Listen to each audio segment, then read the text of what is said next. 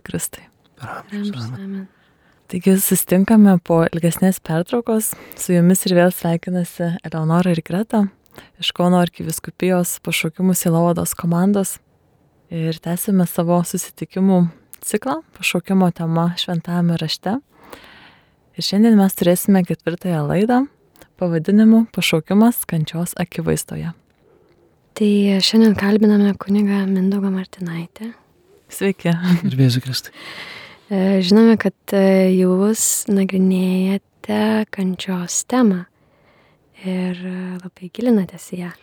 Ne, ypatingai aš jos nenagrinėjau, tik tai gal, gal rašant bakalauro darbą, tiesiog tai buvo apie kryžių ir tiek. Mhm. Tai kadangi išgyvename dabar šį gavėnios laiką, tai mes tiesiog norėjome paklausti keletą jūsų klausimų tą temą ir aš eisiu tiesiai e, į tokį jau šerdį, galima sakyti, tai e, be užuolankų, tai pirmas klausimas tada jums skambėtų, kokia laikysena esame kviečiami mes kaip krikščionis išbūti kančioje. Čia tas klausimas aktualus ir krikščionims, ir nekrikščionims, nes kančią patiria visi. Ir teko girdėti, na, skaityti, kaip mokomi ištverti kančią tie žmonės, kurie skausmą konkrečiai, kurie darbo specifika jų tokia, jie yra, nu, šnipai, ar kaip pavadinti. Tokiai knygoje dalinosi, kaip, kaip jie buvo, buvo mokomi ištverti kančią. Tai sako, mėgaukis kančią ir siek dar didesnės kančios. Tai galbūt kažkas tokiu būdu bando ištverti kančią, bet tai galim pavadinti žodžiu mazochizmas, kur kančia yra malonumas. Krikščionis yra kviečiamas visai kitaip, kitokiu būdu kentėti ir aišku žvelgdamas į Jėzų, kaip jisai kentėjo. Ir kančios akivaizdoje svarbiausias uždavinys žmogui yra išsaugoti viltį kaip yra per laidotuvės toksai sakinys pasakomas, kad kančios akivaizdoje, mirties akivaizdoje mes neliūdim kaip tie, kurie neturi amžinojo gyvenimo vilties. Tai tas pats galima pasakyti ir apie kančią, kaip apie mirtį, kad kančios akivaizdoje mes krikščionys neliūdim kaip tie, kurie galvoja, kad ar kančia, ar mirtis deda tašką, taria paskutinį žodį. Ne taip yra. Mes žinom, kad paskutinis žodis visada yra Dievo. Kaip mes turim išbūti kančioje, prisimena tokia eilutė iš švento rašto, apaštalo Petro žodžiai apie Jėzų. Šmeižiamas jis neatsikirtinėjo, kentėdamas negrasino, bet visą pavedė teisingajam teisėjui Jis pats savo kūnę užnešė mūsų nuodėmės ant kryžiaus. Ir čia yra Jėzaus pavyzdys sunaikinti blogį savyje. Atpirkimo darbu, atleidimo darbu, Dievo karalystės tvarkos ir santykių atstatymo darbu ir mes galime taip panašiai kaip Jėzus veikti. Ir jo mokymas atsukti kitą skruostą yra mokymas paimti kančios kryžių ir ir nebijoti įnešti. Jėzus kančią išgyveno ir kaip žmogus, ne tik kaip Dievas. Ir čia jo diev, kaip Dievo kančios klausimas yra teologinios didžiausios diskusijos, kaip Dievas galėjo kentėti, bet kaip žmogus jis labai natūraliai ir bijojo kančios. Ir mes matom jį prakaituojantį krauju, kaip trukinėja kraujagyslių kapiliarai, kaip ten įtampa tokia didžiulė, kad jis prakaituoja krauju, galvodamas apie jo laukiančią kančią. Ir vis tik jis toje kančioje žvelgia ne į pačią kančią, žvelgia į tėvo valią. Jisai prašė, kad jeigu įmanoma, tegul ta taurė aplenkia jį, bet jisai čia pat sako, tegul būna tavo valia. Jis nežiūri į tai, ko jis pats nori ar nenori, bet jis žvelgia, ko nori tėvas. Mes kentėdami, kaip tikinti žmonės, turim dar papildomą motyvą kentėti, priimti kančią už savo nuodėmes. Jėzus šito motyvo neturėjo, bet jis priima kitą motyvą - už mūsų nuodėmės kentėti. Jis priėmė tėvo valią išgelbėti pasaulį per, per savo kančią. Ir dar Jėzaus pavyzdys labai gražus, kad jo kančioje mes nematom nei lašelio savigailos. Jis pats ramina tas verkiančias moteris. Ir dėl, to, dėl tos užuojautos jam jisai pats niekiek nesusigaudina, kad jam čia skauda, kad jis kenčia. Jis atkreipia dėmesį į tų žmonių, į tų moterų, į jų vyrų, vaikų likimus, kad, kad ten kažką reikia galbūt tvarkyti. Jis eina teisingų kelių, visiškai atsidavęs tėvo valiai, o tuose gyvenimuose gal dar kažkas yra tvarkytino. Tai tas Jėzaus pavyzdys nusigrėžimas nuo savęs ir visiškas atsigrėžimas į tėvą ir jo valią. Ir net ant kryžiaus jis nemedituoja savo skausmo. Pamiršęs save, jisai meldžiasi, kad tėvas atleistų jo kankintojams, prašo jų pasigailėti. Ir iš vis Evangelijoje mes nerandam ne vienos vietos, kur Jėzus gailėtų savęs.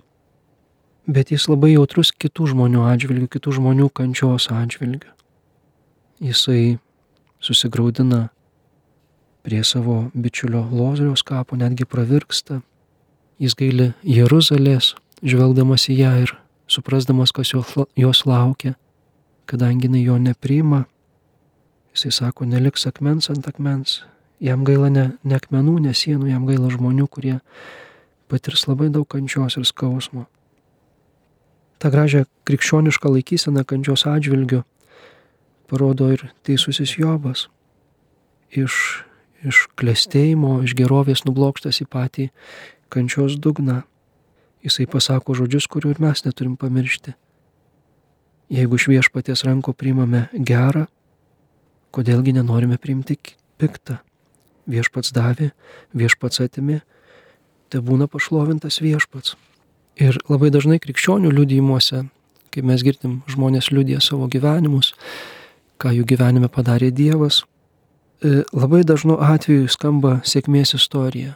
Buvo kažkas, kažkokia bėda, kažkokia nelaimė ir viskas baigėsi laimingai, ar verslas, ar sveikata, ar, kažkas, viskas išėjo į gerą. Bet argi negalėtų būti Dievo liudimas ir, ir tokia istorija, kuri kaip Jobo nepasibaigė kažkaip paredaguota, kad būtų graži, sėkminga, bet baigėsi tiesiog to, tam, toje tamsoje, kuri perkelia viltį dar toliau šio gyvenimo ribų. Nes jeigu Dievas yra ir jis yra teisingas, tai ir, ir šis gyvenimas baigėsi kažkokią neteisybę, tai mums dar papildomas vilties ženklas, kad Dievas amžinybėje mokės viską išlyginti. Taigi krikščionims vienas svarbiausių dalykų kančioje yra išsaugoti viltį. Tamsoje nesuabejoti tuo, ką Dievas tau sakė šviesoje. Nes per daugelį vargų mes einame į Dievo karalystę. Ir tas Dievo karalystės dar ne mus verčia eiti, kopti kaip į kalną per daugelį vargų, link to tikslo, kuris yra nuostabus ir didingas. Dievas ateina į pagalbą mūsų silpnumui, jis duoda mums šviesos, pastiprina mūsų viltį, kaip apaštalai buvo pastiprinti taboro šviesos. Taip ir mes laiks nuo laiko Dievo pastiprinami, apšviečiami, paguodžiami ir vėl kaip tie kareivėliai pirmin, pirmin. O tai kaip yra su tuo, kada kentėti, o kada nekentėti? Iš kur žinoti, kad Dievo valia yra priimti kančios taurę? Ir kaip priimti? Nes mes juk iš tiesų esame žmonės. Ir su visais ribotumais, su viskuo, bet gal yra kažkoks, nežinau, receptas ar kaip, kaip tą kančią priimti. Kaip jūs ir citavote iš švento rašto, kad Jėzus meldėsi, mano tėvė, jei ši taurė negali praeiti, mano negerta, tebūnė tavo valia. Tai va kaip suderinti tą Dievo valią ir kančią. Kada kentėti ir kada nekentėti. Gal pirmiausiai atsakykime, kada kentėti. Mums labai natūralu trauktis nuo kančios. Kaip atitraukiam ranką nuo ko nors karšto, ar aštraus, taip instinktyviai traukiamės nuo kančios. Bet yra tokių aplinkybių, kur pasitraukti negalime ar nevalia pasitraukti. Kai kančia ateina į mūsų gyvenimą, mūsų ištinka kaip lyga ar negalė, tada niekur nepabėgsi. Turi gerti tą kančios taurę. Romėnų kultūroje įtakotoje hedonizmo būdavo neretas atvejis, kad romėnas, kuriam gyvenimas teikia daugiau kančios negu malonumo, jis tą gyvenimą nutraukė. Bet tai nekrikščioniška. Amžinatilsi kuningas Vincelis Jelinskas iškentėtą kančią lygino su išrašytų receptų dangui, o nutrauktą gyvenimą su pusiau nuplėštų receptu, pagal kurį nieko nebegalima išrašyti. Nepabėgsi taip pat nuo kančios savo artimųjų. Pabėgti tiesa gali, bet taip išduosi meilę. Meilė kviečia nepasitraukti nuo artimo kančios. Sutoktiniai įsipareigoja ir, ir džiaugsme ir varge būti kartu. Ar laimė lydės, ar vargas suspaus. Vaikus nepasitraukti nuo savo tėvų kančios įpareigoja Dievo įsakymas gerb savo tėvą ar motiną tėvus taip pat. Mylinti širdis neignoruoja ir svetimos skausmo, svetimos kančios. Motina Teresė iš Kalkuto sakė, jeigu norime padėti vargšams, turime leisti, kad jų skausmas, jų kančia mus paliestų. O dabar kada nekentėti? Yra aplinkybių, kada žmogus visai bereikalo kenčia. Nes Dievas tos kančios nenori ir neduoda malonės tą kančią, tą kryžių pakelti. Jeigu mes neturėdami jokios galimybės ką nors keisti pasaulyje, imsim domėtis visais blogais dalykais, kurie šiandien įvyko, mus gali ištikti neviltis. Mums neduota viso blogio pakelti ir išspręsti. Todėl nereikėtų pasiduoti akių geismui, norui smalsauti ir daug naujienų sužinoti, nes tai gali pasibaigti depresija ar dar daug blogiau. Kitas argumentas - nekentėti ir nebūti abejingam kito kančiai, nepalikti kito kančioje, yra tai, kad mes nesam hinduistai, tikintys reinkarnaciją pagal jų tą tikėjimą žmogus šiame gyvenime per kančią turi apsivalyti, kad naujame gyvenime jisai pasiektų kažkokią tobulesnę būti. Todėl nereikia jam trukdyti kentėti, reikia jį palikti kančioje. Jėzus net žada paskutinėme teisme mus vertinti pagal tai, kiek prisidėjome prie vargo ir kančių mažinimo. Jis nori, kad mažintume kitų kančią. Todėl neteisingas yra krikščioniškas mazochizmas. Labai greitas patarimas kitam priimti Dievo valią ir nešti savo kryžių. Mes nesam pasyvūs, apatiški tikrovės prieimėjai, su nuostata bus kaip bus. Mes esame ir turime būti aktyvūs Dievo karalystės statytojai. Teisingumas reikalauja, kad mes reformuotume išlaisvintume, ištaisytume, kas neteisinga, kur lyga, badas, pandemija, neraštingumas, skurdas, priespauda gali būti pakeisti ir ištaisyti, žmogus privalo tai daryti. Negalima teisinti neveiklumo ir pasyviai stebėti žmonių kančias. Iš savo sotumo ir ramybės pilies kažkam aiškinti, kad jis turi priimti kančią ir susitaikyti su tuo, primti tą kryžių, nešti jį, yra net pavojinga, gali atsitikti kaip Jobo draugams. Kada galime kančioje padėti, sumažinti ar net sunaikinti kančią, mes privalome tai padaryti. Aišku, čia jau būtų iš kitos ryties, yra kančių, kurios mūsų augina ir keičia, kurias reikia priimti kaip kova nugalėjimą savęs, darybės pastangą. Apie jas Jėzus sakote, pasiima savo kryžių ir teseka manimi. Nuo tokių kančių nereikia bėgti ir teisingai jas priimti ir pakelti.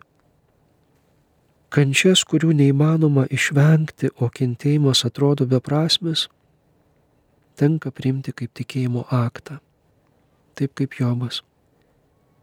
Ir tai yra aktyvus ištvermingumas, ne, ne pasyvus prieimimas ir pasidavimas. Ir kadangi kančia kyla iš skirtingų šaltinių, tai tą klausimą kentėti ar nekentėti galima bandyti atsakyti sustojus prie kiekvieno iš tų šaltinių. Didžiausia kančios versmė yra nuodėmė ir jos pasiekmės, kurios žaloja žmogaus kūną, sielą, santykius. Ir šioji moraliniai plotmėje yra mūsų užduotis kovoti su nuodėme ir mažinti jos sukeliamą kančią. Kitas kančio šaltinis yra ontologinis būties sužeistumas ir netobulumas.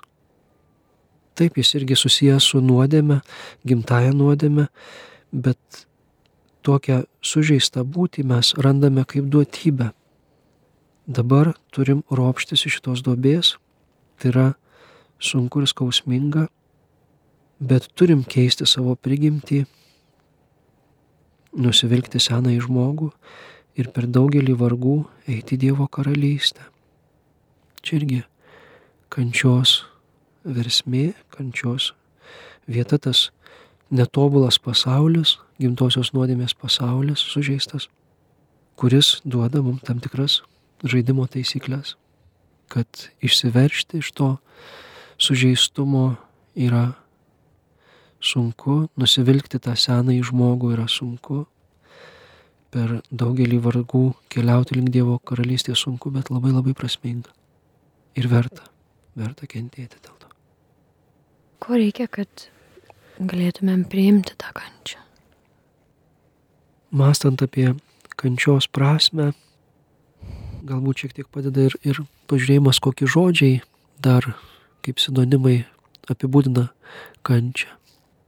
Skausmas, širdgėla, kai gelia širdį. Sielvartas, kaip tą žodį suprastume. Vargas, skurdas irgi kančios dalis. Žlugimas, liudesys, bėda, lyga, negalavimas, bausmė, priespauda, engimas, bet kokio praradimo jausmas, netektis, turto sveikatos artimojo žmogaus, savos gyvybės, buvimas auka, kur žmogus išgyvena kančią ta kančios patirtis gali būti fizinė, psichologinė, tarp asmeninė, dvasinė. Ir daugeliu atveju tai yra su, sumišę dalykai, su, susijungę tarpusavį. Kenčiam, kai patiriam tamsąją gyvenimo pusę, kad ne viskas taiku, harmoninga mūsų kūne, sieloje, santykiuose ir kūrinyjoje. Kokia tad šitos kančios prasmė? Mes matome, kad augimas tiek fizinis, tiek dvasinis yra susijęs su kančia. Netreniruoti raumenys kenčia nuo didesnio krūvio, netreniruota dvasia kankinasi, bandydama panašėti į Jėzų, kartoti jo charakterį, įgyti darybės. Apsivilkimas naujų žmogumi, kuris yra labai prasmingas veiksmas, bet jisai yra labai sunkus, labai daug ką reikia nusivilkti. Iš to senojo žmogaus su senais įpročiais. Ėjimas į Dievo karalystę yra kankinantis, sunkus dalykas. Kita kančios prasme yra atsiteisimas, prieimimas skausmo, kančio, sunkumų kaip teisėtos bausmės už nuodėmes, atperkantis kentėjimas, kur galim ir už save, ir už kitą, ir kitus tą kančią aukoti, kaip meilės darbą. Tas pasaulio netobulumas, kuriame mes esame, jis irgi yra tokia lavybų pratybo aikštelė, kur ruošiamės tobulybei. Šitas pasaulis atrodo dar net baigtas, jis dar tapsmo procese. Blogis ir kančia yra natūralus augimo skausmas, dvasinis vystimasis nuo embriono stadijos iki buvimo pilnatvės. Gyvenimo baigtinumas, gamtos dėsniai, mytybos grandinė, gimimo, gyvenimo, mirties ciklas yra neišvengiami. Ir per tai reikia eiti Dievo karalystės pilnatvę. Bet keistų būdų tie patys, taip vadinami blogiai ir kančios, yra kaip pratimai raumenims, nors skausmingi, bet ugdantis. Kaip studijos reikalaujančios daug energijos ir koncentracijos, mieliau ilgiau pamiegotume, bet mus lavinantis ir kaip tarp asmeninės įtampos, kviečiančios į atsidavimą ir ištikimybę. Ir visa tai yra palaiminti keliai į didesnę jėgą, išmintį ir darybę. Ir pamaldžio savęs marinimo, sakytume, tam tikrą prasme kankinimo praktikos, susilaikyti nuo maisto, teisėtų džiaugsmų, malonumų, šia prasme yra pateisinamos ir naudingos.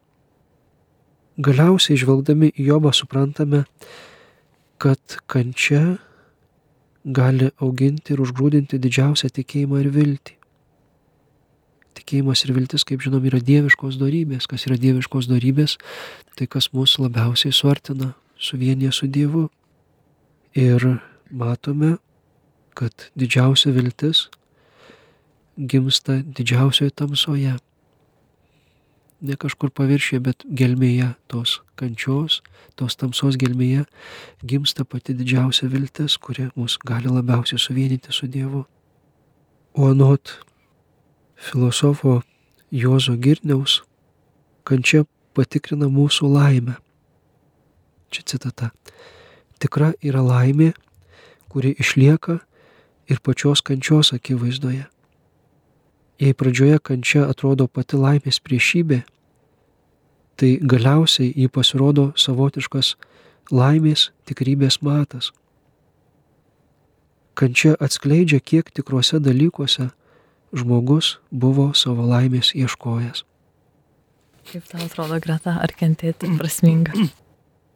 Norėjau tik vat, kažkaip pagalvojau, kad priimdamas kančią aš, nu tikriausiai galima taip sakyti, kad augu dvasiškai. Man pačiai kokia mintis kilo iš to pasidalinimo, tai kad aukoti kaip meilės darbą, kad kančia gali būti kaip meilės darbas dėl kito. Tai tiesiog irgi tai palengvina tą kančią, nes kai kančia su meilė sulyginama, tada iš karto yra visai vėl kitas, kitas žvilgsnis ir kitas nusiteikimas. O mūsų paskutinis klausimas. Kaip žmogui kančia padeda tapti labiau žmogumi, arba kitaip sakant, labiau panašiai į Kristų. Mes galim būti panašus į Kristų, kaip jisai pamokslavo. Mes galim būti panašus į Kristų, kaip jisai keliavo. Mes jau esam panašus į Kristų tuo, kad turim rankas, kojas, akis, kaip jisai turėjo. Bet jo gražiausia meilė buvo parodyta ant kryžiaus kada jisai už mus mirė, kentėjo, aukojosi. Ir tas didžiausias panašumas į Jėzų, ko gero, jisai pasireiškia tokioje meilėje, kuri aukojasi, kuri kenčia, kuri atiduoda save. Kaip Jėzus sakė, nėra didesnės meilės, kaip gyvybę už draugus atiduoti.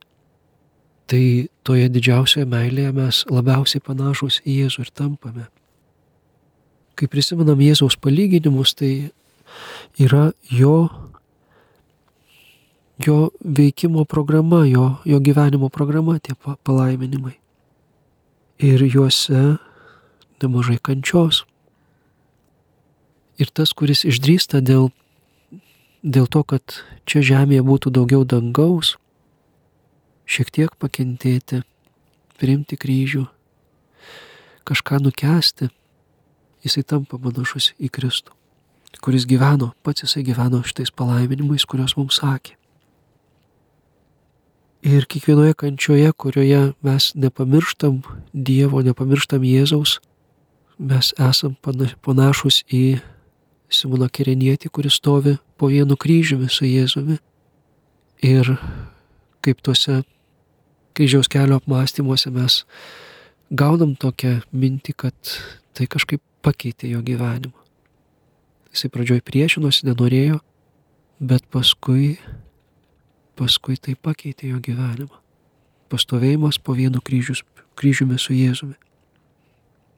Ir toje didelėje kančioje, kaip Jobas, mes galime atpažinti Jėzaus didžiulį palankumą, Dievo didžiulį palankumą mums. O draugystė auga atpažįstant tokius dalykus, pamatant tokius dalykus. Ir kai patys mes patiriam kančios, imam labiau atjausti kitus žmonės kenčiančius. O tai irgi Jėzaus bruožas, dėl kurio jisai padarė didžiąją dalį savo stebuklų. Tai tas pasakymas, kas mūsų nenužudo, tas mūsų užgrūdina, gali būti kažkaip irgi performuotas kančia, kuri net neša nevilties, kurioje vis tiek išsaugo viltį ir glaudžiamės prie Dievo, jinai mus su Dievu ir labai suartina. Aš dar vieną, ačiū, vieną mintį nešiojuosi iš tikrųjų šiam gavėnios laikė ir, ir kažkaip man labai patinka. Tai šventos Faustinos Kovalskos mintis, e, kaip Jėzus jai pasakė, kad kančia yra mano meilės vainikas tau. Tai irgi tas meilės vainikas, ne, ne kažkokiu tai akmenų, neriškėčių, bet meilės vainikas tau. Ir man kažkaip irgi tada išgirdu šitą mintį, visai ir ta kančia kitaip, kitaip suspindu, kitą žvilgsnį. Atrodo, kad net puošia kaip vainikas. Taip. Ir savo draugus mes irgi atpažįstame pagal tą pasakymą nelaimėje. Tai nelaimė irgi yra kančios truputį skonį turintis dalykas. Mhm. Atpažįstame, mus patikrina. Tai labai ačiū už, už pokalbį, už, už visas išvalgas ir pasidalinimus. O mes norėtume su Greta dar palinkėti mūsų klausytojams šio bei to.